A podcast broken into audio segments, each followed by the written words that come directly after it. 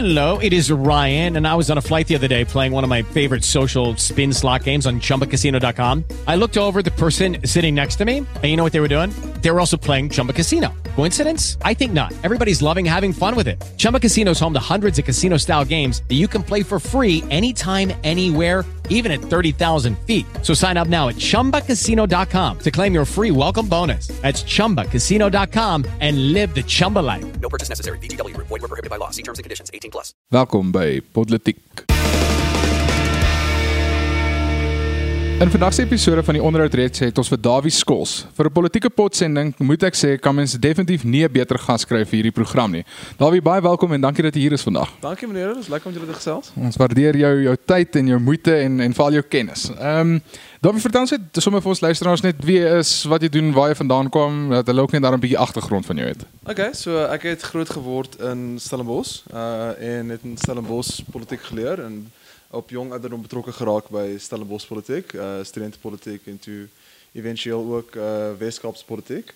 Ehm um, en vir 'n uh, hele paar jaar uh, full disclosure vir die DA gewerk. Ehm um, en allerlei dinge geleer oor hoe die party dink oor verkiesings. Ehm um, en hoe die party op 'n baie professionele en uh kwantitatiewe manier dink oor verkiesings. Ehm um, en toe daarna MBA geswaat. En intussen ook baie baie belang uh, belang begin stel in in Amerikaanse politiek. Ehm um, so ek volg dit ook nog relatief uh. Ehm um, en nou uh, na MBA uh, as ek bestuurskonsultant bly in Johannesburg, ehm um, leer ken nog 'n plekjie bo. Ehm um, uh, die politiek is hier ook baie interessant. So As ek sommer kan vra, jy jy praat oor Kaapse politiek en ek dink baie van ons luisteraars kom maar van Pretoria en omgewing af natuurlik ons het luisteraars reg oor die wêreld hoop ek. Uh shout out vir daai een ou ons het ons het mense wat sê hulle luister in Amerika op stroopers na ons. So Ja. So ehm um, maar uh, hoe sou jy sê verskil politiek in die suide en uh, politiek hier, hier bo in Gauteng? so ek het 'n relatief sterk o- oor uh, opinie oor hierdie vraag en ek dink verskillende variasies van hierdie vraag. Um you know daar's 'n daar's 'n old there's an old saying wat wat sê uh, all politics is local.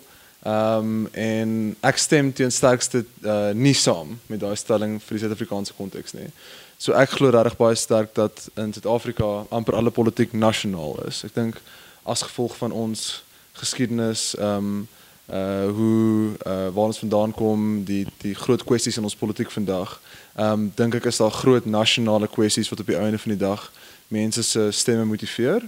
Uh en ek dink ehm um, as mens kyk byvoorbeeld na stempatrone in die verskillende politiek uh, in die verskillende provinsies, uh as mens ehm um, kyk na die verskillende kwessies wat bespreek word in die verskillende provinsies, ehm um, dan is my opinie dat die die dinge wat ons politiek dryf is groot nasionale kwessies en die verskille wat plaasvind op provinsiale vlak gaan oor demografiese verskille ehm um, en nie so seer uh politieke verskille nie. Ehm um, of weet dat, dat verskillende mense verskillend voel oor kwessies of verskillende goed belangrik is nie. Nou Dawie, ek wil net vra en nee, so jy het op die self voorgestel gesê jy geniet Amerikaanse politiek en en jy volg dit graag. Nou uh, een van die goed wat ons gesê het ons graag weer sal hoor is hoe betroubaar is wat jy nou gesê het hierdie hierdie stempatrone, hierdie meningsopnames, die polling wat hulle van praat, veral byvoorbeeld in Suid-Afrika want ons het nou hierdie week gesien dat daar's 'n uh, opname gemaak wat gesê die DA gaan 11% kry wat ehm um, ek, ek ek ek kan so so, so sleg so wat ek dink die DA gedoen het in hulle eie beeld hierdie afgelope 6 maande, dink ek nie dit sal ooit gebeur dat die DA net 11% gekry en gelyk sal wees met die EFF nie.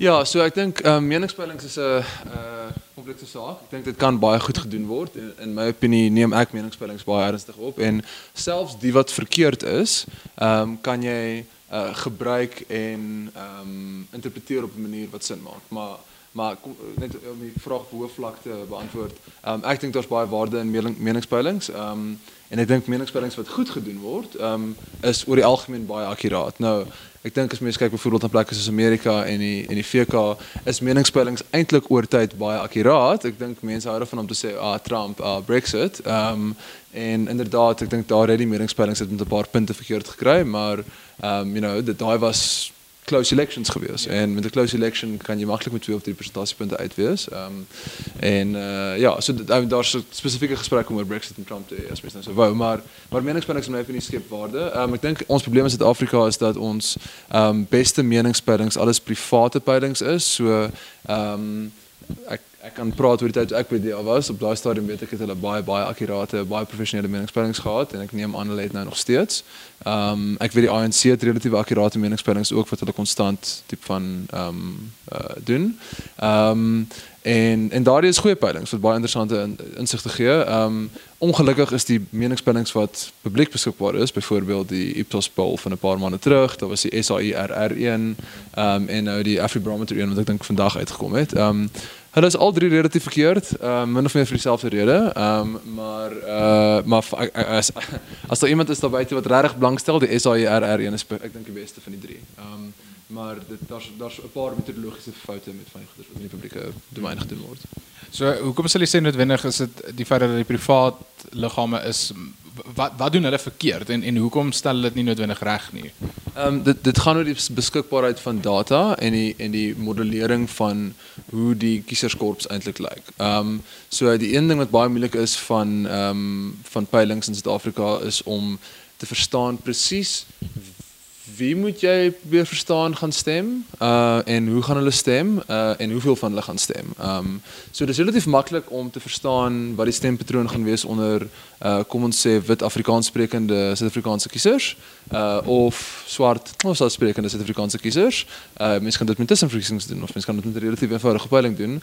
Wat baie moeilik is is om te verstaan presies wat die bestanddele is in die uh kieserskorps koek op die einde van die dag. So hoeveel wit Afrikaans sprekende mense gaan daar wees wat gaan stem in 2019 hoeveel van al die ander verskillende tipes shades van kiesers wat ons het gaan daar wees.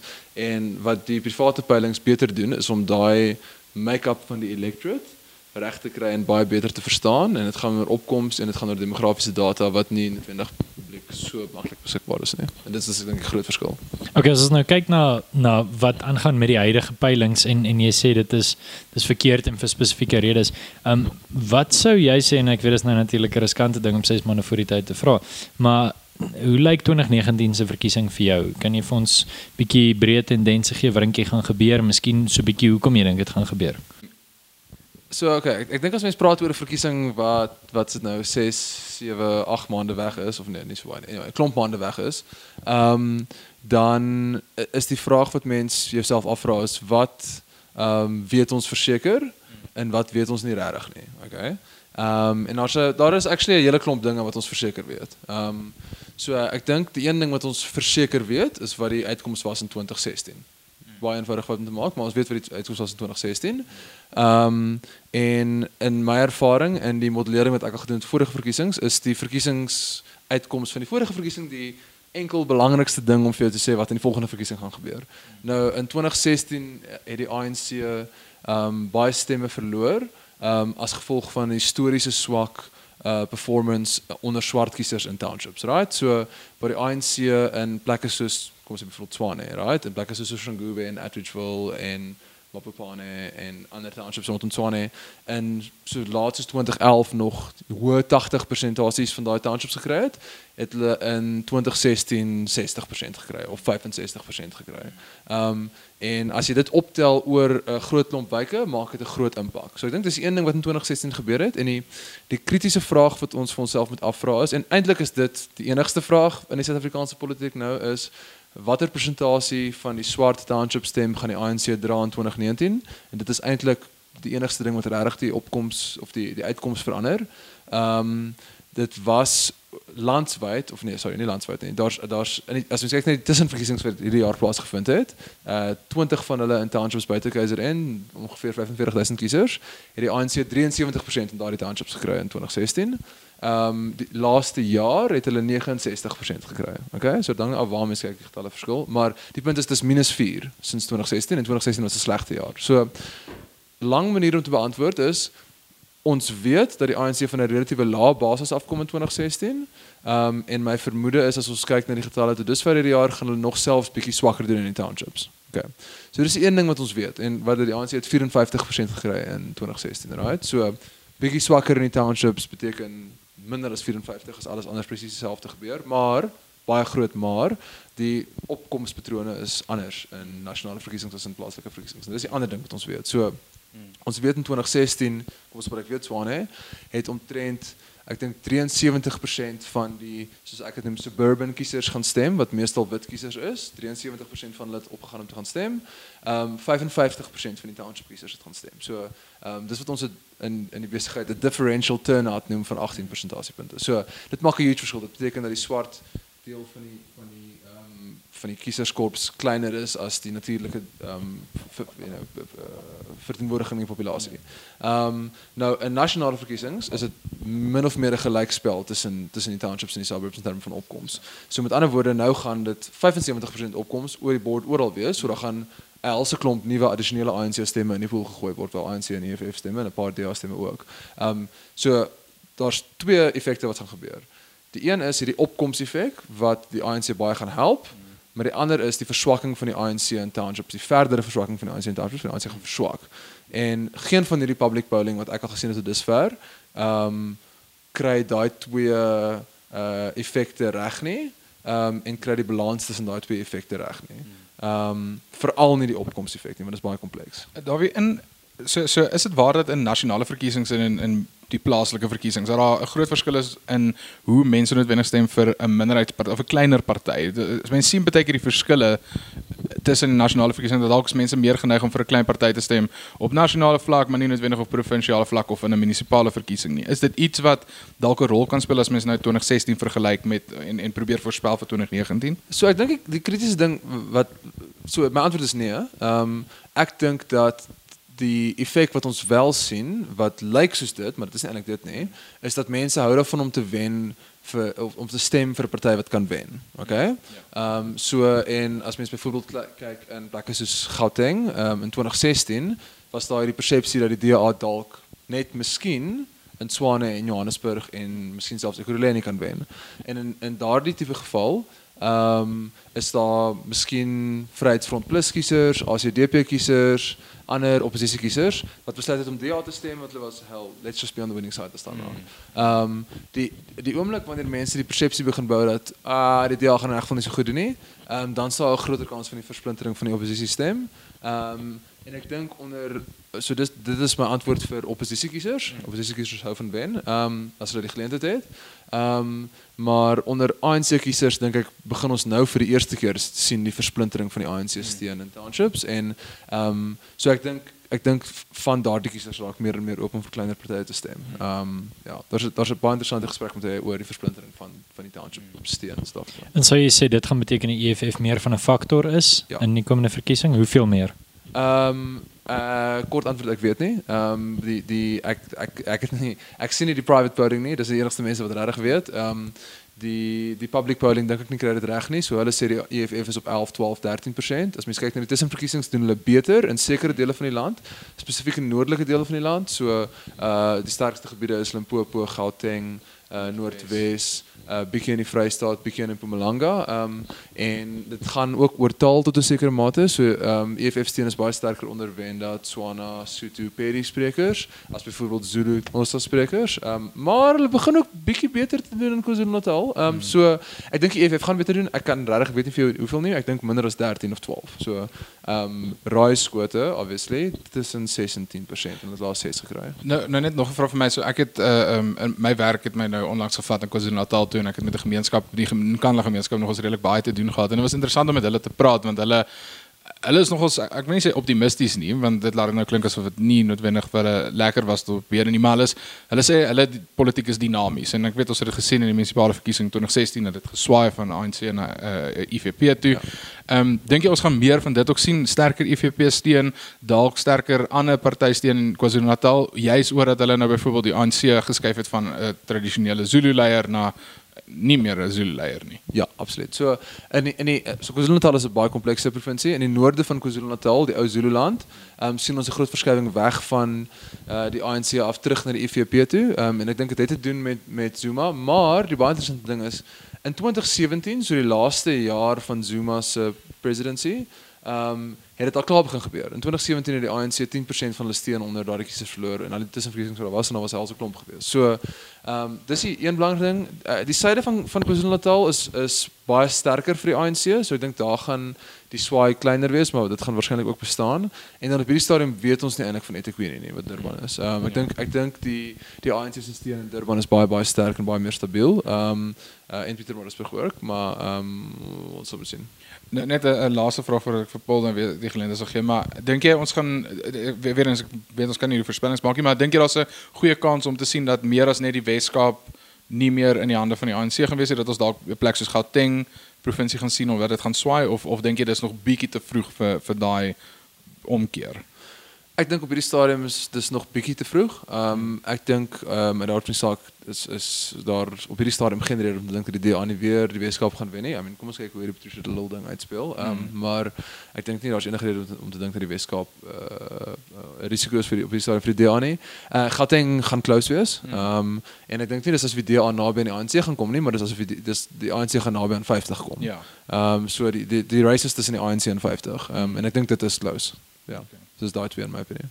Ons praat baie oor mense wat opdaag om te gaan stem en ons weet dat dit dit is nie net 'n probleem in Suid-Afrika nie. Ek het al gehoor dat in Kanada is die wegbly stem uit en uit die wenner byvoorbeeld.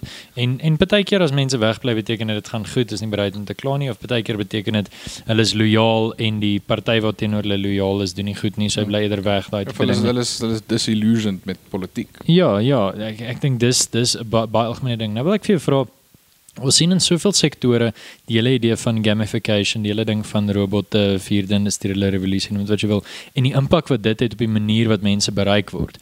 Die feit dat ons hier sit in 'n in 'n podcast maak en nie probeer om in te kom by een of ander groot netwerk televisie of radioprogram nie, maar dit sommer self doen, dink ek spreek van hierdie alternatiewe media as dit sou wil noem, as dit sou wil noem of die alternatiewe manier om mense te bereik wat dink jy is die rol daarvan nie net plaaslik nie maar ook internasionaal op die manier wat wat wat stemmers en kiesers en veral jong kiesers ehm um, bereik word. Ja. So ek dink in kom ons praat eers oor Suid-Afrika. Ehm um, ek dink vir die groot gros van Suid-Afrikaanse kiesers is dit eintlik relevant. Ehm um, en ek dink ons politieke partye is baie swak daarmee. So no one has really cracked that not just yet. Ehm um, ons politieke partye moet uh, nog uitfigure hoe om goeie posters te design. so uh, maar wat ek dink wel waar is is dat social media 'n ongelooflike ehm um, magtige kommunikasie medium raak vir ehm um, vir jong kiesers in Suid-Afrika. Ek sê 100% saam daarmee. Ehm um, en ek dink dit is 'n uh, ondergebruikte medium in Suid-Afrika op hierdie stadium van deur politieke partye en daar's 'n groot geleentheid daar. Ehm um, so so ek dink en en spesifiek vir die dis en dis juist die kiesers wat kan swaai, right? Wat wat die kiesers wat lê tussen die ANC, die EFF en die DA in die stede wat in tipe van die effens meer ontwikkelde dele van die townships bly of nou in die middestede bly. Daardie is die swing kiesers in plekke soos Gauteng en hulle is op Twitter elke dag. Hulle is op Facebook elke dag. Daar is 'n geleentheid deur sosiale media kommunikasie gamification en die meer komplekse goed is ek nie so seker van net dink ons politieke partye moet eers meer eenvoudige goeders kry maar ehm um, en en dan net om my om die vraag te beantwoord op op uh, die groter buitelandse prentjie ehm um, in die Amerikaanse politiek is dit enorm. Ehm um, so ek dink daar is die applikasie van big data ehm um, en social media targeting en ehm um, uh tipe van online kommunikasie is is van enorme belang en uh daar's baie mense wat sê dat die Russiese interference um met 'n paar honderdduisend kiesers in die Midwest die verkiesing geswaai het. Um uh, so ek, ek weet nie of ek daarmee saamstem of nie, ek dink ek opinie nie, maar daar is daai teorie en en en dis duidelik dat dit baie baie groot impak het in Amerika. As ek dit kan opvolg net goed as as dit nie noodwendig veel van 'n faktor is nie. Sien maar jy was vandag aangestel en hulle het vir een taak gegee dit is betrek jong kiesers in Suid-Afrika op een of ander manier. Wat sê jy doen? Wat is die manier om jong mense betrokke te kry? Daniel gebruik die woord van disillusion, maar hoe kry ons jong mense weer dat hulle belangstel in in politiek en in die toekoms van die land? Dis dis relatief eenvoudig in my opinie. Ek dink nie dit gaan oor taktiese kwessies oor hoe om met hulle te kommunikeer of ehm um, waarom met hulle te kommunikeer of you know hoe cool mense moet wees of hoe jou posters moet lyk nie. It's pretty simple. Wat is jou offer aan hierdie mense? Wat is jou boodskap? En dit is die absolute kritiese ding wat beide die ANC maar veral die DA heeltemal verkeerd gekry het in die laaste 24 maande. Ehm um, daar is nie 'n duidelike boodskap nie, daar is nie 'n duidelike offer nie, daar is nie 'n duidelike plan nie, daar is nie sterk leierskap nie. Ehm um, dit is die kritiese issue in my opinie. En die enigste party wat dit op hierdie stadium reg kry in Suid-Afrika is die EFF. Hulle het 'n baie duidelike boodskap. Hulle deliver dit authentically en direk in eenvoudige taal. Ehm um, en in in my opinie is is message en purpose die belangrikste ding in die politiek. Iemand moet in 'n baie eenvoudige termyn of terme kan verstaan hoekom hulle vir jou wil stem en wat's in dit vir hulle. Daai is die twee kritiese goeders wat mense laat stem. Dit gaan nie oor oor die ander nie. Maar maar dink jy dis iets wat die DA nou onlangs nie meer regkry het hulle op 'n punt het regkry want dit voel vir my dat vir so lank was die DA maar hulle identiteit was die die oppositieparty en en ook weer eens full disclosure. Ek was self ek is self 'n lid ek was deel van die Young Leaders program verlede jaar so dis wel amper 'n bietjie hartseer om dit te sien veral hierdie laaste paar maande. Dit is sleg om te sien hoe die Patricia de Lille saak asof wat jy gesê het uitspeel. Dit is sleg om te sien die tussentydse verkiesings waar die DA swakker doen alhoewel ek net moet bysê daar's tussentydse verkiesings waar die DA beter doen.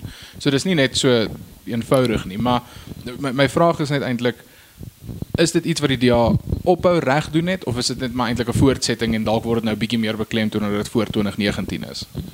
Ehm um, ek dink ons ek dink ek dink ons kan sê dat die DA eers tussen 2011 en 2014 'n uh, kind of core message verloor het en 'n core visie verloor het. Daar was hierdie idee van die open opportunity society for all wat ehm um, ek nie dink persoonlik baie effektiewe boodskap is uh in 'n verkiesing nie, maar dit was 'n baie duidelike boodskap en dit was 'n baie duidelike stel van idees en dit was 'n ideologie. Ehm um, en die DA het nie nou dit nie. Ehm um, so so uh, you know in the absence van 'n baie duidelike boodskap en 'n visie vir die land, um, resort mens tot taktiese goeders. Jy hou protesoptogte. Jy uh brand teks of jy gaan na die teksboekplek toe waar dit gebrand word of jy doen stunts of jy doen rallies en jy doen goeie speeches en stuff. Maar wat jy eintlik nodig het is 'n baie duidelike offer vir Suid-Afrikaners wat hulle sê hoekom julle vir ons moet stem Ja. wat eenvoudig sin maak. En die, net nog een ding is, ek dink die DA het vir baie lank weggekom met Jacob Zuma as die president van die land en dit was maklik geweest. Want dit en dit was eintlik ook die die die regte ding en die eerste ding om aan te val want die man was besig om chaos te veroorsaak. Ehm um, en as amptelike oppositieparty moes hulle alles en ek ek, ek dink dit was die regte ding, moes hulle alles in hulle mag doen om ehm um, van die dinge wat hy gedoen het te opponeer en te probeer vorendag bring. Ehm um, maar terselfdertyd moet daar 'n uh, boodskap en veral op ekonomiese kwessies ehm um, ontwikkel word. Ek glo jy wen verkiesings in hierdie land deur om die party te wees wat die beste visie het om die ekonomie te transformeer vir alle Suid-Afrikaners en vir almal akses te gee tot die ekonomie. Ehm um, die DA het nie op hierdie stadium 'n duidelike visie in daai in daai pret nie. Dan weer nou nie om om hier is 'n vrek interessante onderwerp, maar ek wil net 'n uh, ander vraag vir jou vra wat nou 'n bietjie meer aansluit by jou vorige twee vorige punte. Een wat jy gepraat het van internasionaal en jy het gesê dat as mens kyk na die land, is dit nie noodwendig dat daar die uitskieter vir tussentydse verkiesings is as mens dit in ag neem met die breër nasionale konteks en jy kyk na demografie en so nie. Hmm. Nou ehm um, en, en ek dink in die middel van hierdie jaar was uh, Linton Crosby het die idee om gekry om in te kom en hulle te kom help en alles. Dink jy dis wys vir iemand soos hom om van Brittanje af in te kom en en 'n party soos die DA te help met Suid-Afrika se baie unieke omstandighede of dink jy politiek is so universeel dat byvoorbeeld selfs 'n Brit hiernatoe kan kom en sy insette waardevol is? Ek dink absoluut 'n 'n slim Brit met goeie kwantitatiewe uh en strategiese denke sal baie waarde toevoeg. Ehm um, solank daar net nog steeds mense in die kamer is wat die wat die konteks verstaan. So ek ek ek is nie 'n uh, particular stickler vir mens moet van hier af wees om dit te kan verstaan nie. Ek dink die, die eenvoudige van die reël van politiek oor boodskap, message and purpose ehm um, geld oral en ek dink iemand soos Linton Crosby verstaan dit baie baie goed. In my opinie het hy een van die beste campaigns ooit geraan in die 2015 verkiesing in die VK. Ehm um, toe die Tories 'n ongelooflike goeie verkiesing Ja, gehad het. ja en toe toe Theresa May daarna toe gekom het en alles opgevoeter het. Politiek is politiek is kompleks. Ja, en politiek is definitief kompleks. Ehm um, ons sien en, en nou nou verstaan ek dat on, on, ons hele fokus en ek dink dit wat dit wat jy so ongelooflik goed in is is die die dinamika agter 'n verkiesing en die goed wat agter dit sit met die werk, maar iets wat wat definitief opkom in die wêreld tans as mens so 'n bietjie meer kyk na na inhoud is hier die hele gedagte van populisme, right? So ons het nou vir Bolsonaro gehad mees onlangs in Brasilië. Ek dink Trump en Brexit is twee algemene voorbeelde waar daar ja, goed, kan mens nou Brexit populisme noem, maar waar waar populisme besig is om so bietjie na die voorfront toe te kom. Miskien is Julius Malema ook 'n populistiese leier en baie van die goed wat hy doen, natuurlik die boodskap verskil, maar die die die oorhoofse tendens dink ek is tog baie dieselfde. Dink jy hierdie wêreldwye golf, as ons dit so kan noem, van ehm um, van populisme is ietsie wat Ehm um, wat eerstens dink jy daar is so iets dink jy dit is wesentlik daar's 'n golf van populisme of en en en in tweedens as dit so is wat dink jy is die wesentlike impak daarvan op wêreldpolitiek? Uh ek dink nie daar is 'n wêreldwye golf van populisme nie. Ek dink daar's verkiesings waar die populiste gewen het omdat hulle 'n beter boodskap gehad het en beter election campaigns gehad het. Ehm um, so uh ek dink en kom ons vat hulle een vir een, right? Ehm um, ek ek het nie die Brazilian election baie closely gevolg nie. So ehm um, ek kan nie 'n kommentaar daarop lewer nie, maar ek kan gesels oor Brexit en en oor Trump.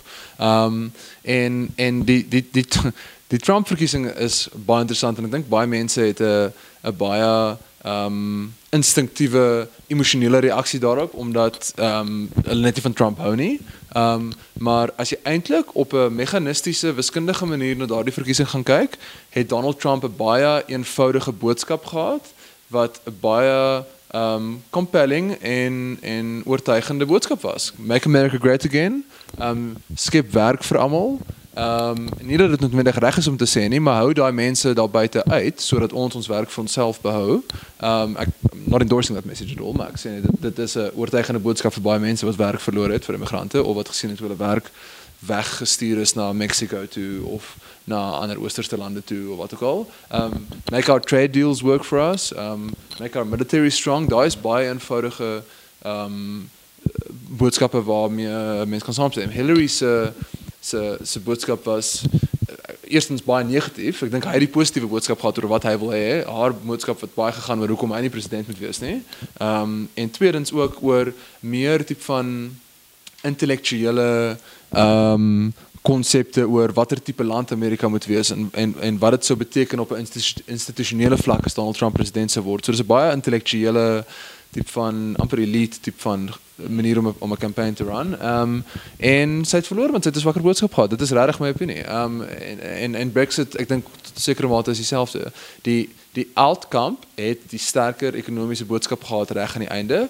Ehm um, my persoonlike opinie is dat die income die die sterker ekonomiese keuse het, maar ek dink nie dat dit baie goed gemaak nie. Ek dink dit is 'n komplekse keuse wat hulle probeer verkoop het en hulle het dit nie reg verkoop nie. Ehm um, Ek ek het uh, hierdie week 'n podcast luister waar uh, Scott Adams gepraat het en um, hy's 'n Amerikaanse skrywer en hy volg ook baie wat jy nou praat van kommunikasie en politiek en hy het spesifiek gepraat oor Trump en hy het gesê wat Trump so goed gedoen het, presies al die goed wat hy gesê het, eenvoudige boodskap. En dan iets wat interessant is wat, wat hy genoem het, hy het gesê Trump het ook sy boodskap was maklik om te verbeel. Want as hy gepraat het van 'n muur, jy kan 'n muur verstaan visualiseer. Jy kan in jou gees as ook sien, o, hier's die muur, daar's een groep wat buite bly en daar's ons groep wat binne bly en en hy het dit dit regtig sterk en en en goed gebruik. So dis my interessant. Ek moet sê dis nie iets wat ek al aan gedink het nie. Ek ek ek dink ek was redelik sold op die idee dat daar's hierdie so wat Paul na verwys het 'n populistiese golf, maar soos wat jy nou sê as mens individueel gaan kyk na die goed, is eintlik maar net populiste wat in daai gevalle gewen het. daar is counter cases, right? Macron het gewen in Frankryk. Ehm um, Le Pen het verloor in Frankryk. Macron het 'n beter boodskap gehad. Ehm um, ek kan nie die die die is nou vergeet, die met die ou in Austria het verloor. Merkel het aangehou in Duitsland. Ehm um, ensovoorts ensovoorts en selfs in Suid-Afrika, ek ek stem saam. Ek dink ek dink Julius Malema is 'n uitstekende um, addisionele voorbeeld in hierdie prentjie as 'n populis wat 'n baie duidelike convincing boodskap verkoop terwyl sy opponente hierdie komplekse uh, intellektuele idees probeer verkoop vir al die DA. Ehm um, en en ek dink hy doen relatief goed, maar daar's da, die ANC se se brand tipe van krag en die die vermoë van Cyril Ramaphosa om die ANC se brand te versterk, dink ek werk om tot 'n sekere mate teen. Is daar so jy sê nou dis dis goed en belangrik om hierdie eenvoudige boodskap te hê, maar is is daar nie dalk is die gevaar in die eenvoudige boodskap nie dat dit maklik gekaap kan word nie. Soos byvoorbeeld met die EFF, hulle sentrale groot boodskap van die afgelope 2-3 jaar was grondonteiening sonder vergoeding en die ANC het al daai amper ek wil nie gesê gekaap nie, maar verstaan, hulle het die die die lead oorgeneem in in daardie boodskap en hulle het besluit hulle gaan dit dryf. Of of dink jy dis nie noodwendig so nie? Uh, politics is about authenticity. So ek ek het regtig ek ek ek dink dat En ek het eintlik met jou opinie wat jy nou geopper het saamgestem tot omtrent 6 maande terug. My gedagte was, wow, Ramaphosa is besig om regtig slim te wees met die hele met die hele gronding. Um you know, die EFF kom van die kom van die linkerkant af en stoot hierdie grondstorie as Ramaphosa net so of die regte geleide daaroor maak. Who knows hoe die section 25 gaan verander, right? Maar maar solank Ramaphosa nie die regte geleide maak tot met die verkiesing kan hy die linkervleuel van sy eie party en die EFF onderdruk en die EFF se spasie squeeze. Maar ek dink wat en en weer eens daar is nie baie goeie polling hier hoor nie maar as mens kyk na die tussenverkiesingsuitslae en as ek kyk oor die media en net uh, gut feeling nou op hierdie stadium lyk dit regtig vir my asof dit op die einde van die dag vir die ANC en Ramaphosa verswak het en vir die EFF sterker gemaak het want kiesers verstaan waar hierdie boodskap vandaan kom. Hulle verstaan wie dit eintlik regtig wil hê. As die ANC dit wil gehad het het hulle 25 jaar gehad om dit te implementeer right? Um en Ramaphosa en die ANC lyk swak en lyk asof hulle die EFF se se leiding vat. So ek dink vir die eerste keer ooit is daar 'n groot gros swart kiesers wat in die linker vleuel van die ANC sit wat ek dink potensieel selfs opgewonde is oor 'n ANC onder 50 wat gedwing is om saam met die EFF te werk om oor 50 te kom. Um that thought is no longer terrifying um in that portion of the electorate. En dit is dit is regtig 'n 'n revolusie in ons politiek dat daar soveel kiesers is in daai spesifieke deel van die bevolking wat bereid is om te dink aan nie ANC nie. As mens net dink 10 jaar terug, 90% van die townships het aangesien. Dit was dit was dit was universeel. Dit was dit was impossible om in 'n DA shirt in 'n township te gaan rondloop. Ehm um, dit het verander en dit dit is dit is een van die fundamentele revolusies in ons politiek nou. So ons sien baie in Suid-Afrika hierdie gedagte en ek dink die die dat jy so praat van die EFF en die ANC ons sien 'n baie sterk linkerkant as dit kom by partye. Ons het ons het 'n ver linkse party. Ons het in, in regering die ANC se ek sê sentrum links is selfs 'n kompliment vir hulle. Hulle is bietjie verder links as sentrum links. Selfs die DA wat meeste mense sou beskou as jou kan ek amper sê meer sentrum opsie. Hulle hulle is ook maar tot 'n groot mate kan mens hulle vergelyk met um, met die Amerikaanse Demokrate Party wat eintlik daar meer linksgesind is nie welsynsstaat en daai bedinge in gedagte het. Ja. Nou my vraag is Ehm um, as mens nou kyk na meningsopnames en en na en na polling en en so is daar ruimte miskien in in ek meen 2019 verkiesing natuurlik nie maar kyk ons in die toekoms na 'n moontlikheid van 'n meer vrye mark uh, tipe party wat 'n opgang kan maak. Is daar ruimte vir dit is dit is die Suid-Afrikaanse denke reg vir 'n bietjie 'n desentralisering bietjie 'n kleiner regering Ehm um, of dink jy seker tipe geleide gaan nie regtig in die volgende paar dekades gemaak kan word nie? Ja, want mense soos daar is mense wat sê daar kom nou die vrye mark Roman Cabernet weet ek sê dit gereeld. Ja, en Sipa Mandla daai bekende ek weet nie wie presies hy is nie. Ek dink is 'n professor by Tikkies het nou ook gesê onlangs hy wil sy identiteit bekend maak want hy wil 'n meer vrye mark party begin. So mense hoor die goed, maar mense sien dit nie noodwendig. So ek dink dat daar's twee maniere om die vraag te vra. Die een manier is die, om die vraag te vra is te sê watter persentasie van die bevolking het daardie ideologie? OK? En ek dink miskien 3 of 4 of 5%. Nou 5% is actually nogal baie. So en ek dink daai tipe party wil net 'n 5% party wees, right? Of miskien 'n 10% party as hulle gelukkig is, maar so is die kiesers daarop ideologiese vlak, so met ander woorde, hoe groot is die DA se regte se sagte regter vlerk nou eintlik? Ehm um, daar is seker genoeg kiesers in die DA se sagte regtervlek um, om vir so 'n tipe party te stem op 'n ideologiese vlak. So die kiesers is soort van daar, okay? Uh, nie om te wen nie of nie om 'n groot party te wees nie, maar om 'n viable klein party te wees wat nou meer is as die Vryheidsfront plus, right? Ehm um, daar daar is nie genoeg ouens vir hulle nie. Maar okay, anyway. Die maar die meer komplekse vraag is is hulle mag dalk op ideologiese vlak daar wees, maar is hulle daar op stemdag vir daai party? Ehm um, so met ander woorde hulle mag dalk gestel nou daai party word gestig. Gaan hulle vir daai party stem, selfs al stem hulle eintlik meer saam met daardie party as met die DA. En die groot vraag is, is hulle bereid om die ehm um, practicality ehm um, van 'n sterk oppositie wat kan wen uh en wat deel is van 'n groter koalisie wat die moontlikheid het om die rigting van die land te verander op te gee om vir 'n uh, ideologiese puristiese party te stem wat 5% werd is. My opinie is nee. Ek dink daardie kiesers is ehm um, baie baie praktiese kiesers. Ek dink hulle hou nie eintlik baie van die DA nie. Ehm um, maar ek dink hulle gaan stem DA want hulle lees die groter prentjie. Ehm um, en ek dink hulle hulle gaan slim genoeg wees om daai groter prentjie aan te hou lees.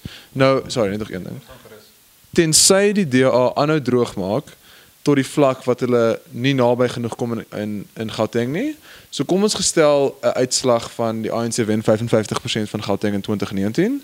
Ehm um, en die DA se nasionale syfers lyk ook nie great nie. Ehm um, dan is die volgende verkiesing 2021.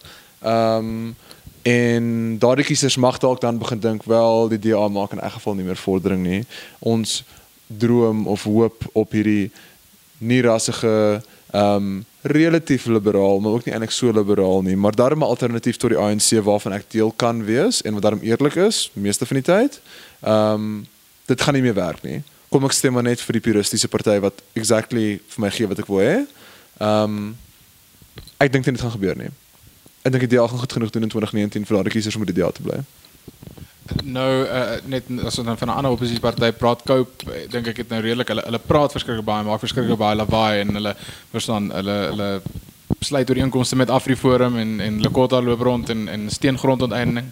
Ehm um, dink jy wat wat is jou voorspelling vir Cope vir volgende jaar? It's over. net net so eenvoudig. Dis verby. Daar daar gaan niks van Cope kom kom volgende jaar. Hoekom? Wie gaan vir Cope stem? Dink jy nie daar's 'n paar Afrikaanse mense wat nou van die DA af gaan gaan of selfs aan die Vryheidsfront Plus af na Cope toe net omdat hulle sien hier's hierdie swart voormalige ANC leier wat nou sê hy steun grondonteeneming nie. Nee. Eenvoudig is dit. Nee, mean, daar's daar's geen bewys daarvan nie. Hulle het geen hulle het hulle het nog nie 'n kongres gehad nie. Dis nie 'n funksionerende party nie. Dis is dis 'n self-appointed leader. Daar gaan 'n verkiesingsveld tog van 6 maande wees. Die DA gaan daardie gemeenskappe met pamflette bombardeer wat sê stem vir die party wat kan wen. Uh musiek aan Gauteng oorvat ensovoorts ensovoorts. Um en when push comes to shove en en in comes to shove dan in elk geval ander meer um, meer closer to home opsies ook. Um ek weet nie hoeveel geld koop gaan hê om posters op die lamppale te sit nie en as 'n party nie funksionerend lyk nie, um dit's ek dink dit is baie baie baie baie onwaarskynlik dat dit gebeur.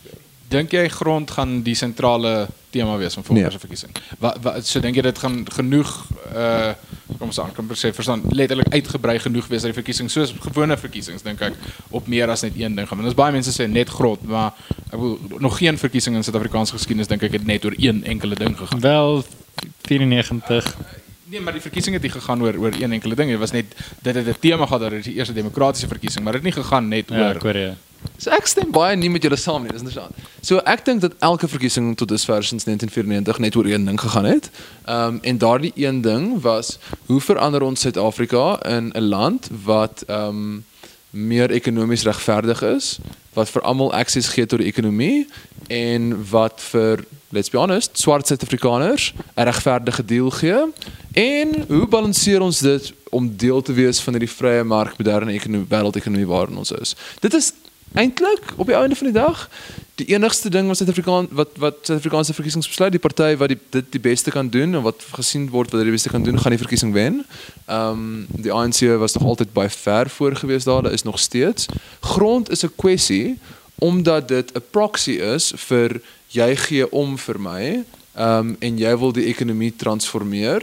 Ehm um, so ehm um, grond is nie is en, en dis hoekom die SA IRR se poll wat sê dat net 6% van mense sê dis hulle top kwessie en dan is die SAIRR se volgende conclusion dat en dis is dit nie belangrik nie is dit nie vinnig verkeerd want dit is niemand se top kwessie nie maar dit is 'n kritiese proxy in die mind van swart kiesers wat float tussen die DA, EFF en die ANC en is 'n proxy vir jy gee om vir my en jy wil die ekonomie transformeer. So wanneer die DA sê nee, ons wil nie grondeiening hê nie, then they had better have a very good explanation of what the alternative is going to be. Want dit gaan oor jy gee om vir my.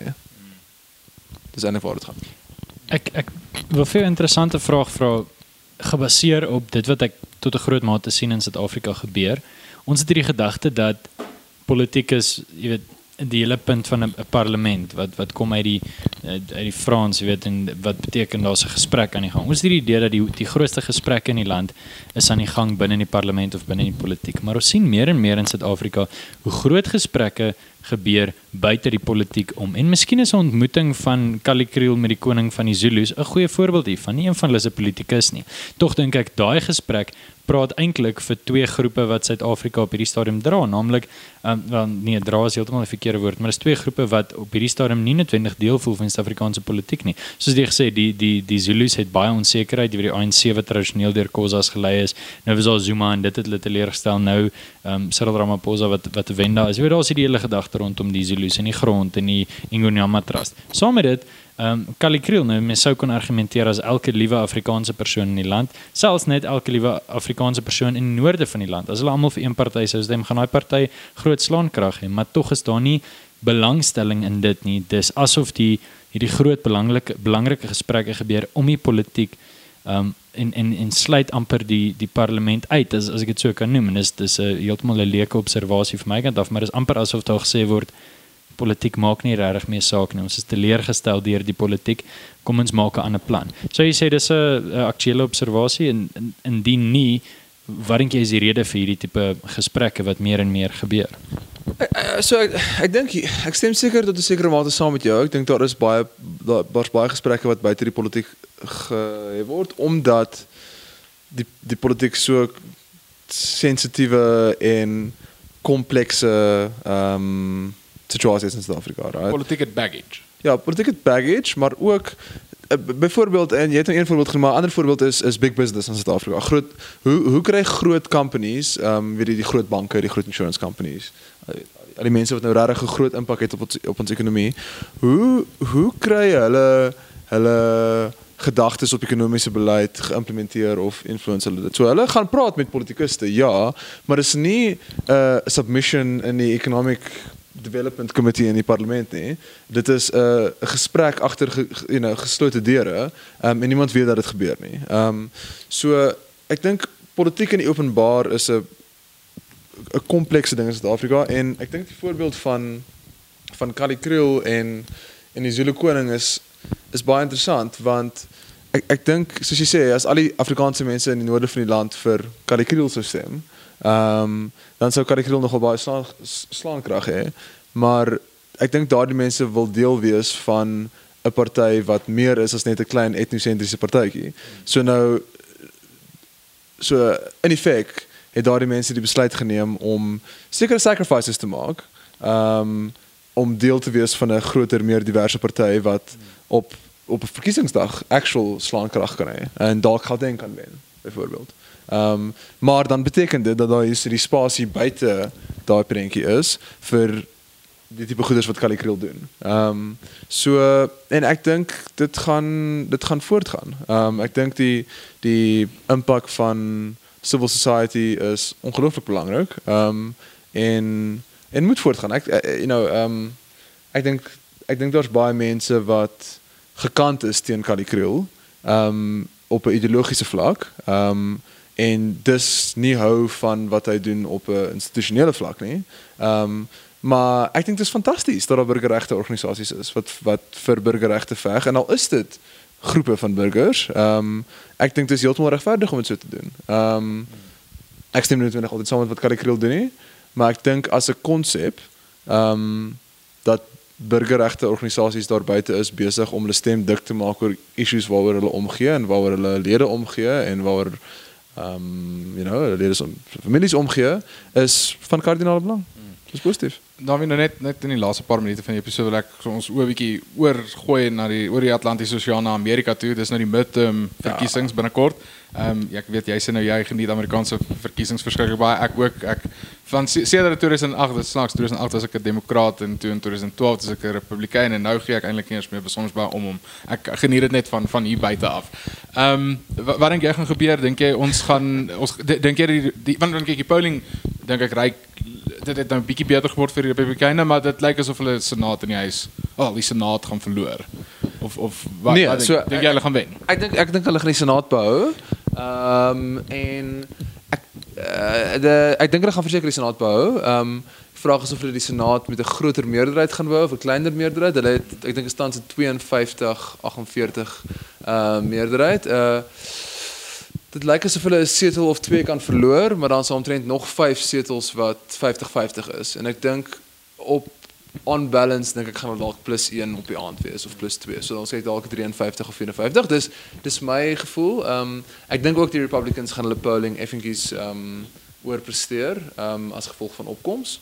Uh maar ons ons sal moet wag en sien of dit gaan realiseer. Die house weet ek nie eintlik nie. Ek dink die house is baie kompleks en ek dink die house ehm um, uh is waarskynlik in die Democrats se favor. Ehm um, daar's daar's baie um, suburban districts wat Trump baie onpopulêr is wat ek dink Republicans groot beslag gaan kry. Ehm um, so uh, of daar genoeg van hulle is, ek dink daar is dalk genoeg van daardie tipe distrikte om om vir Republicans die huis te laat verloor. Ehm um, maar uh maar ek dink dit is dalk nie so groot golf soos wat almal ehm um, uh of soos gedeelte van die media sê dit gaan wees nie. Um, ek dink I think it's going to be closer than I think. Um, En en dink jy uh, so nou net in het algemeen algemeen gesproke, wat dink jy is dink jy Trump gaan 'n positiewe invloed hê op die Republikeine vir hierdie spesifieke verkiesing of dink jy wa- want ek bedoel die punt is as redelik twee uiteenlopende ek wil amper sê persepsies oor Trump. Daar's die daar's die Republikeinse persepsie dat hy wat hy doen is goed en en hy bou die party en hy hy amper versterk hulle core as mense so kan sê. En dan as mense na ander media huise gaan kyk dan gaan jy dink wel elke liewe ding wat Trump doen is sleg en dat hy gaan soos wat jy nou sê hierdie groot pak slaag kry. Dink jy Trump self die hierdie soos mense sê enigma in Engels gaan hy invloed hê of dink jy dit gaan maar net eintlik hy gaan 'n kleiner invloed hê as wat mense dink? Dit is verseker 'n Trump dominante verkiesing, so ek dink ek dink die belangrikste die die enkel belangrikste vraag wat elke Amerikaanse kiezer vir hom of haarself gaan afvra is, wil ek hê Trump moet môre sterker wees of swakker wees? Ehm um, dis waaroor hierdie verkiesing gaan. Ehm um, en sy approval rating is afhangende na wie jy kyk. Ek dink dis in die mid 40s.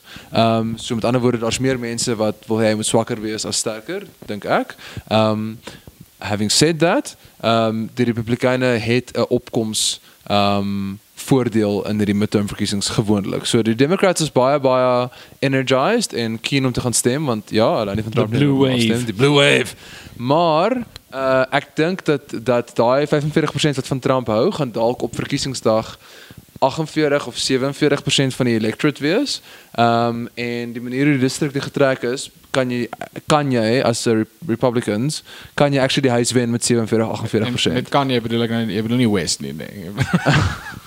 ek sien hy het nou vandag het hy gesê hy's hy's moeg vir politiek. Hy is nie meer Ja. lus om met politiek aan te gaan. Exactly. So, dis hoekom ek dink daar's daar's 'n kans dat dit dalk closer gaan wees as wat mense dink.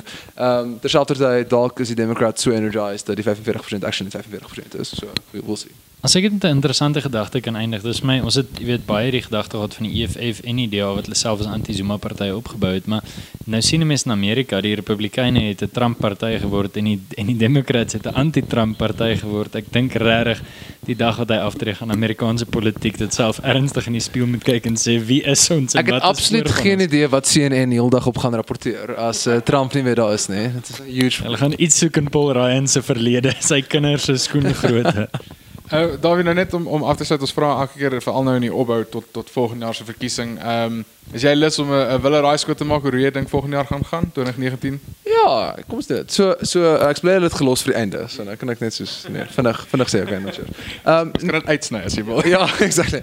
Ehm um, so uh weer eens hierdie is uh, nie predictive nie. Ek is nie bereid om te sê dis wat gaan gebeur nie. Ehm um, maar as mens kyk na die tussenverkiesingspatrone, as mens kyk na die vorige verkiesings se uitslag, ehm um, dink ek gaan die ANC swakker doen as 2014, right? So die ANC het 62% gekry in 2014. Die vraag is hoeveel swakker? Ehm um, ek dink die die ander kant van die antwoord is ek dink die ANC gaan beter doen as 2016 want ek dink die uh die opkoms effek van baie addisionele kiesers wat gaan stem gaan sterker wees as die ANC wat selfs bietjie swakker doen in die townships.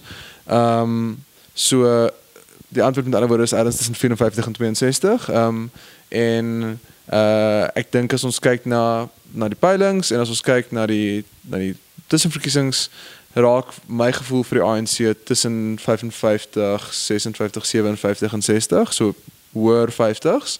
Ehm um, en uh en ek dink Gauteng is is close, um, met die ANC wat naby gaan verkom aan 50. Ehm um, en dalk te naby aan 50 vir die vir die DA of of die EFF om of die DA en die EFF om 'n koalisie te kan skep. Kom ons kyk, ek weet nie, dis nog up in the air. Um, en dan dink ek wel die situasie in die Weskaap is um, is eintlik uh, die grootste veranderlike op hierdie stadium vir die DA. Ehm um, dink as jy nou as ons hierdie gesprek 3 weke terug gehad het, sy gesê ja, alles is fyn. Ehm um, en die DA het eintlik begin beter doen in in in tussen verkiesings in brein gebiede. Ehm um, maar ek dink die laaste paar dae se verwikkelinge in in die Weskaap is ongelooflik problematies vir die DA in die Weskaap. Ehm um, en ek dink ongelooflik problematies vir Musi my man se leierskap in die party terloops. Dis 'n ander gesprek. Maar ehm um, so ek dink ek dink die DA um, het 'n paar uh it's some choppy waters to get through tussen nou in 2019. Goed. Nou ja, dames en here, baie dankie dat julle saam geluister het. Uh soos wat Cope se lyk like my politieke aspirasies nou ook tot 'n einde gekom het, het hierdie episode tot 'n einde gekom. Uh, ons nou ja as luisteraar uit om hierdie gesprek voort te sit in die kommentaarafdeling. Luister vir ons op SoundCloud, iTunes, Simplecast, Pocketcast, elke liewe cast waarna jy kan dink en volg ons op Twitter, Facebook en Politiek. Ons waardeer dat julle julle tyd aan ons geleen het.